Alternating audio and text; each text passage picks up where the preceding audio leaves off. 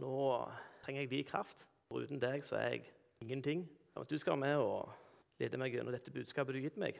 Og hjelp meg far, å være lydhøre til å ta imot ditt ord og vokse på det. Amen. Vi skal en tur inn i andre brev, Korinterbrev, eh, kapittel 12, vers 7-10. For at jeg ikke skal bli hovmodig pga. de høye åpenbaringene, har jeg fått en torn i kroppen, en Satans engel som skal slå meg, for at jeg ikke skal bli hovmodig. Tre ganger ba jeg Herren om at den måtte bli tatt fra meg. Men han svarte, 'Min nåde er nok for deg, for kraften fullendes i svakhet.' Derfor vil jeg helst være stolt av mine svakheter, for at Kristi kraft kan ta bolig i meg. Derfor er jeg fylt av glede når jeg for Kristi skyld er svak, blir mishandlet, er i nød, i forfølgelser og angst. Og når jeg, når jeg er svak, da er jeg sterk. Jeg skal ta en del bakgrunnsinformasjon før jeg går mer inn på disse versene. her, for det mener jeg er viktig for å forstå versene. Eh, først menigheten i Korint. Den ble grunnlagt av Paulus på hans andre eh, misjonsferd. Og det vil si at det ville skjedd rundt år 49-50. Og I etterkant har han sendt en del brev til dem. Vi har to av de brevene. Men første brevet siterer et tidligere brev. Og det er en del indikasjoner på at det har vært et brev eller i alle fall en form for kommunikasjon mellom andre og fjerde korinterbrev. Første brevet adresserer en menighet i konflikt, splittelse og stridigheter. Eh, det er partidannelser, det er en del falsk lære og en rekke moralske og sosiale problemer.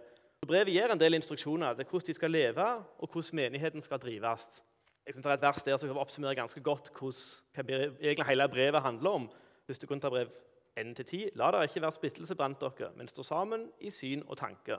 Det er hans store mål med hele brevet. Så er det tydelig at det har skjedd en litt stor endring fra første brev til andre brev. Det andre brevet har en ganske annen ordlyd. Paulus møtte ganske mye motstand i hans tjeneste. Veldig mye motstand fra jødene. Han var tross alt en stor lederfigur i denne nye sektor som kom, og stadig spredte seg til nye byer og vant tilhengere blant jøder i hopetall. Det er ikke så helt uvanlig at en reagerer med frykt og går til angrep når det kommer noe nytt som bryter opp i det som er trygt og kjent. Noe vi kan kjenne igjen. Men her i andre brevet så adresserer Paulus en litt ny type konflikt. En må gå til forsvar og angrep på sine egne. Angrep retta mot Paulus som leder og apostel. I så måte så er kanskje dette et av de mer, om ikke et av de mest personlige brevene fra Paulus. Som sagt, De fleste brevene underviser han og rettleder i rett liv, og han adresserer indre eh, anliggende i menigheter. Men her bruker han store deler av brevet på å forsvare sin egen autoritet som apostel opp mot andre framtredende lederskikkelser og tilreisende forkynnere i Korint. Som vi kan lese i 2. Korinterbrev kapittel 11, vers 1-5. Jeg skulle ønske det ville tåle litt galskap av meg. Ja, dere får tåle det. Og jeg vokter dere som, med Guds brennende sjalusi jeg har lovet dere bort til Kristus og bare til ham, for, at, uh, for å føre dere til ham som en ren jomfru. Men jeg er redd for at slik narre, slangen narret Eva med list, skal også deres tanker bli ført på avveier, bort fra den oppriktige og rene hengivenhet til Kristus. Og dere tåler svært godt uh, når noen kommer og forkynner en annen Jesus enn det ham vi har forkynt, eller når dere får en annen ånd enn den dere har fått, eller et annet evangelium enn det dere har tatt imot. Jeg mener at jeg ikke står noe tilbake for disse superapostlene. Altså, det er noen som han da på litt hånlig vis betegner som superapostler, som kom inn i menigheten der. De mener selv å ha hatt store syne og åpenbaringer setter sine egne syne opp mot Paulus sine ord. Og De bruker sine egne påståtte syne og visjoner for å legitimere sin egen posisjon og sin egen lære. Og Vi kjenner til at det var en del andre lærer som utfordra det vi kaller oldkirka, altså de første kirkene. Det er ganske mange av brevene våre som adresserer en del vranglærer som kommer, men kanskje ikke så mange som går så inn på Paulus som person. Eh, vi kjenner godt til gnostisismen. Det er jo donatismen, monatismen og mandismen og manikismen. Det er masse isme som oppsto, som hadde et litt annet gudsbilde, et annet syn på hvem Jesus virkelig var, som vrengte på evangeliet og dro i andre retninger. Og dette er noe som tydelig tar avstand, rundt forbi, eh, avstand fra rundt forbi i diverse brev. og her um, er det ikke utenkelig at dette var de vranglærerne Paulus har begynt å stå imot. Men Det er også tydelig at han setter tvil til en del av karakterene. altså hvordan de er som karakter, disse superapostlene. Han skal forsvare seg sjøl, skriver han også i eh, kapittel 4, vers 1. fortsatt andre Korinterbrev. Eh, Derfor mister vi ikke motet, for Gud har i sin barmhjertighet gitt oss denne tjenesten. Vi tar avstand fra alt skammelig som ikke tåler lyset. Vi bruker ikke knep og forfalsker ikke Guds ord. Åpent legger vi fram, med sannheten fram for Guds ansikt og stiller oss selv fram, så alle mennesker kan dømme oss etter sin egen samvittighet. Paulus, som ikke vil sette seg sjøl høyt, legger ikke vekt på sine opplevelser og har derfor kommet i skyggen av andre store framtredende ledere. Videre i vers 5 samme kapittel. Vi forkynner ikke oss sjøl, men Jesus Kristus som Herre, og oss som tjenere for dere, for Kristi skyld. For det er jo dere som mener at en ikke skal snakke veldig konkret om falske forkynnere som taler usant. kan vi høre selv hva Paulus sier konkret om disse eh, falske lærerne. I kapittel 11, vers 12-15. Men det jeg har gjort hittil, vil jeg også gjøre. Og Noen vil gjerne ha skryt for at de er slik som jeg. Men den muligheten skal jeg avskjære dem fra. Disse er falske apostler, troløse arbeidere, som opptrår som om de var Kristi apostler. Det er ikke noe å undre seg over, for Satan selv skaper seg om til lysets engel. Da er det ikke rart at hans tjenere skaper seg om til tjenere for rettferdigheten. Men til slutt skal de få lønn etter sine gjerninger. Så Det går ganske krasse ord ut mot disse apostlene, lærerne som kommer inn, disse som har fått store visjoner og syn, som kommer i tegn under, og sier de rett imot. Så Som tilsvar på at alt dette her som, som korinterne har blitt så fascinert av, og så dratt de på avveie, så bruker han tre kapittel i hovedsak. Altså Hele brevet går i stor grad et forsvar, noe på mer generelt plan. Men da, fra kapittel 10 til kapittel 12 så går han veldig konkret inn på hans egen karakter, hans egen rolle, hans egne opplevelser, hans egne syne. Og bare etablere hans egen posisjon som apostel og hva han måtte være gjennom. Eh, og Det virker på meg som at hele skjer motvillig ut av frustrasjon. Eh, og Midt i hans egen utgreiing så kommer en setning som jeg synes illustrerer veldig godt hvordan han opplever å måtte gjøre dette. 2. Eh, Korinterbrev kapittel 12, vers 1. Jeg må altså skryte av meg selv, enda det ikke tjener til noe. Jeg kommer nå til de syner og åpenbaringer jeg har fått fra Herren. Ja, nå har jeg skrytt en hel haug, og det er helt fornyttes, og nå kommer jeg til neste ledd igjen. Og så har han hatt en sånn lang remse der han har snakket seg sjøl opp, så kommer vi til dagens vers. Da er det akkurat han bare legger alt i grus igjen og trekker fokuset der det skal være. Og egentlig litt til spott for disse her store, selvopphøyde superapostlene. For målet hans har egentlig aldri vært å konkurrere mot de andre for å være bedre enn dem. Så vil jeg igjen bare lese dagens vers, kapittel 12, vers 7-10.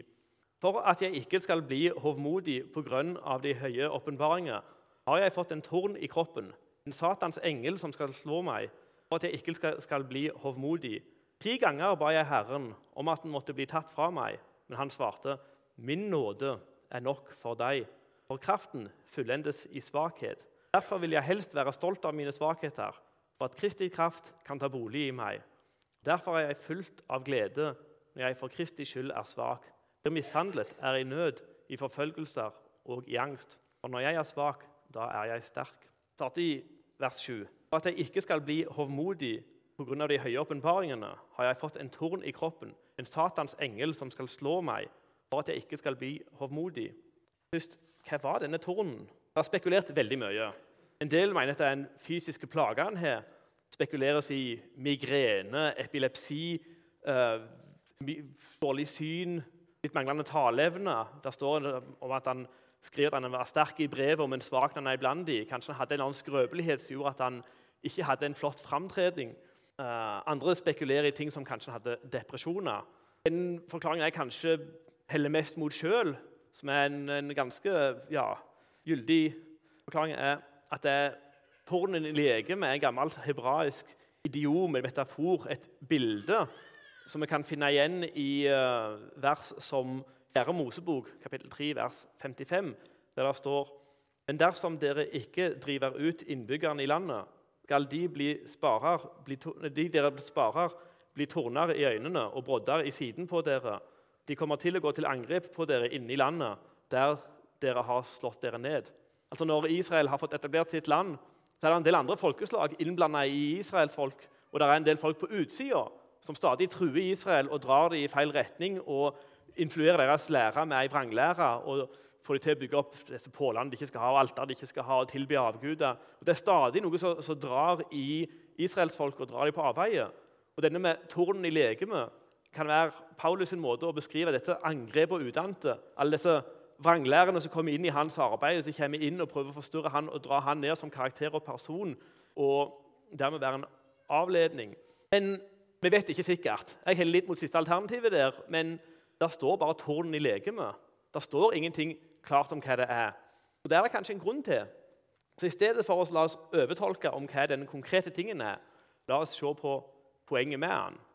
Så hadde det stått at han halta på venstrefoten. Så han oh ja, han halte venstrefoten. Jeg halte ikke venstrefoten, så jeg kan ikke kjenne meg igjen i det. En torn i legemet kan vi alle, alle kjenne igjen. Alle har på et eller annet nivå hatt noe som begrenser dem, eller noe angrep utenat, eller et eller annet som, som, gjør at ting ikke er helt greit. Men hvorfor har Paulus en torn i legemet? Det sier han jo egentlig om igjen og om igjen gjennom dette avsnittet. her. Starter med for at jeg ikke skal bli hovmodig. Han slutter av med for at jeg ikke skal bli hovmodig. Paulus er en sentral leder med mye makt. Han alene står bak rundt to tredjedeler av det som er skrevet i Nytestamentet. Han er romersk borger, godt utdanna, har fått store åpenbaringer om Guds rike. Han har veldig mange gode kontakter rundt i Europa med de forskjellige menighetene. Han er en høyt akta person. Det er veldig lett for en person som har så mye og står så høyt, å bli oppblåst ovenpå og formodige. Lett for å kjenne at han sjøl er noe mer enn andre. Så for å hindre at nettopp dette skal skje, så har Gud tillatt denne tornen i legemet så holder han nede på bakken og holder han totalt avhengig av Gud. Reflekterer litt det som står i Jakob 4,6. Men nåden han gir, er større. Derfor heter det Gud står den stolte imot, men de ydmyke gir han nåde. Det er tydelig at denne tornen den tjener Guds hensikt. Den tjener at Paulus skal forbli med en Kristus-lik karakter. Det er viktigere for Gud at Paulus ikke blir hovmodig, enn at alt er perfekt rundt ham, at han har perfekt helse eller at han ikke har motstand rundt seg. Jeg leser videre i kapittel 8. Tre ganger ba jeg Herren om at den måtte bli tatt fra meg. Dette enkle verset er for meg en av de tydelige setningene det verset som går stikk i strid med det vi kaller herlighetsteologien. Herlighetsteologi det er, på en måte lære. Hvis du har litt synd innabords, så bør du reagere på den herlighetsteologien med å tenke å, herlighet. Han bærer med seg noen litt forvrengte syn på, på, Guds karakter og hensikt med oss. De har en lære som går i retning av at Gud vil alltid helbrede deg. og Han vil alltid at du skal ha suksess i livet. Det som hindrer Gud, er at du ikke spør Gud om å få helbredelse og perfekt liv. Eventuelt at hvis du spør, så har du ikke tro nok til at Gud virkelig kan gjennomføre det i livet ditt. Så legger byrden over på deg. Denne settingen her samsvarer veldig dårlig med en sånn lære. Hvis Paulus ikke hadde sterk nok tro til å bli kvitt den der tornen i legemet, så ligger det fryktelig dårlig an med meg når jeg ber. Vi ser også her at Paulus ga ikke opp etter ei bønn. Ti ganger står der. Det greske ordet som er brukt, er et ord som heter parakalesa, eller parakaleo, som kan bety bl.a. å trygle og bønnfalle. Antakeligvis var det ikke tre enkeltganger at Paulus sa ut ei bønn høyt, men at han i tre perioder har trygla og bønnfalt Gud om å bli kvitt denne tårnen i legemet, noe som plager han over lengre tid. Vi lærer også her at det er veldig rett å be om å bli kvitt smerte og plage, som Paulus ber om. Og Vi lærer også at Gud svarer vår bønn. Men i dette tilfellet så er svaret nei. Vi bør be Gud om helbredelse, og vi bør bli fri plage. For det hender at Gud svarer ja. Det er mange bevis på at Gud svarer ja. Men her får tårnen bli fordi han tjener en god hensikt. Hans plan er større enn vår. Paulus måtte leve med denne tornen i legemet, men han fikk noe som var bedre. Kapittel 12, vers 9. Men han svarte, 'Min nåde er nok for deg, for kraften fullendes i svakhet.' Derfor vil jeg være stolt av mine svakheter, for at Kristi kraft kan ta bolig i meg. Kraften fullendes i svakhet. I grunnen en veldig merkelig setning. Litt som å si at Bilen min går så gruelig fort fordi han har så liten motor. Altså, kraften fullendes i svakhet. Det strider stikk i strid med vanlig allmenn lære. Vi skulle hatt en god leder for dette firmaet. her. Kan vi finne en som er veldig svak? en som har lite myndighet, en som ikke har særlig mye i seg selv å tilby. I Guds rike så er lære om godt lederskap snudd opp ned. Når vi er sterke og klarer oss sjøl, får vi antageligvis se mindre av Guds kraft i våre liv. Det er um, et paradoks. Ønsker å gi oss sjøl være så sterke og klare å mestre, og vi ser at ja, jeg er nok ikke god nok for Gud. Men at hans kraft skal komme fram i ditt liv, må det være stikk motsatt. Du skal være svak og fullt ut avhengig av Gud. Og Tenk deg selv om. Når viste Jesus seg mest seirende? Når gjorde han sin største seier? Han var svakest. Jesus' største seier skjedde når han hang sønderknust, nedbrutt, øyelagt på korset. Og på korset han overvant synda. Og kun ved å fornedre så mye og bli så svak kunne han overvinne den største motstanden. Første Korinterbrev, kapittel 2, vers 1-5. Da jeg kom til dere, søsken, var det ikke med fremdragende talekunst eller visdom jeg forkynte Guds mysterium. For jeg hadde bestemt at jeg ikke ville noe annet hos dere enn Jesus Kristus, han korsfestet. Svak, redd og skjelvende opptrådte jeg hos dere. Jeg forkynte ikke mitt budskap med overtalende visdomsord, men med ånd og kraft som bevis. Og deres tro skulle ikke bygge på menneskelig visdom, på Guds kraft. Det er veldig lett å bli fascinert av store tegn under, og kanskje vel så mye personen som utfører dem. Jeg kan ikke noe igjen i dette. I vår tid er det mange store karismatiske ledere som eh, framstår som de, fall, som de gjort store tegn under, og som har store show og fanger store folkemengder. Og Mange av dem bruker disse synene og profetiene de kommer med for å legitimere sin egen tjeneste og fange tilhengere. Og Da kan fort den bibelske læra komme i andre rekke, eller om ikke i tredje og fjerde rekke. I sånne tilfeller står vi ofte i fare for å ende opp med en slags personbasert kult, der fokuset ikke blir Jesus, men hvor fantastisk stor og flott denne pastoren er. Det er positive og negative ting med forskjellige måter å bygge opp en menighet. Men det er noe fint sånn vi har det her i Salem, der jeg tipper Hvis du tar en rundspørring rundt i Stavanger, så er det ikke så veldig mange som kan si hvem som er leder for denne forsamlingen. For fokuset er Guds ord. Så har vi en veldig god leder, men det er ikke primærfokus på at ja, vi har så stor leder. Og Pass på når dere søker hyrder, ledere og forbilder, at dere ikke følger etter de som har en tjeneste som handler om de sjøl. Men finn hyrder og ledere som har et ydmykt syn på seg sjøl og deres forhold i forhold til Gud, og som er avhengig av Han i hele deres tjeneste og forkynnelse. Og En annen ting jeg har lyst til å trekke ut herifra, da kommer vi kanskje til et av mine favorittvers. Hebreerne 12, 4-8. I kampen mot synden har dere ennå ikke gjort slik motstand at det kostet blod. Har dere glemt den formaningen som taler til dere som barn? Min sønn, forakt ikke når Herren irettesetter. Mist ikke motet når han refser, for den Herren elsker, viser han til rette og han straffer hver sønn han tar seg av. Hold ut, la dere oppdra, for Gud tar seg av dere som sønner. Ja, la meg se den sønn som faren ikke viser til rette. Og hvis dere ikke blir vist til rette som alle andre, er dere ikke sønner, men uekte barn. Viktigere å vise enn å vise til alt du presterer, og hva du får til i Guds rike, er hvem er du? Har du fått privilegiet til å bli Guds sønn eller Guds datter? Er du tatt inn i hans omsorg? Hvis du er tatt inn i hans, hans omsorg, så vil han ta seg av deg. Da vil han gjøre med deg som med Paulus. Han vil holde sin hånd over deg og sørge for at du formes og holdes stadig nærmere Kristus og hans karakter.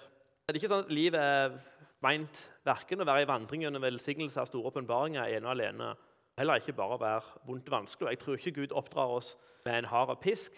I perioder kan livet virke godt, at en vandrer nær Gud og har store velsignelser, og alt er flott. I andre perioder er det akkurat som Gud trekker seg litt på avstand.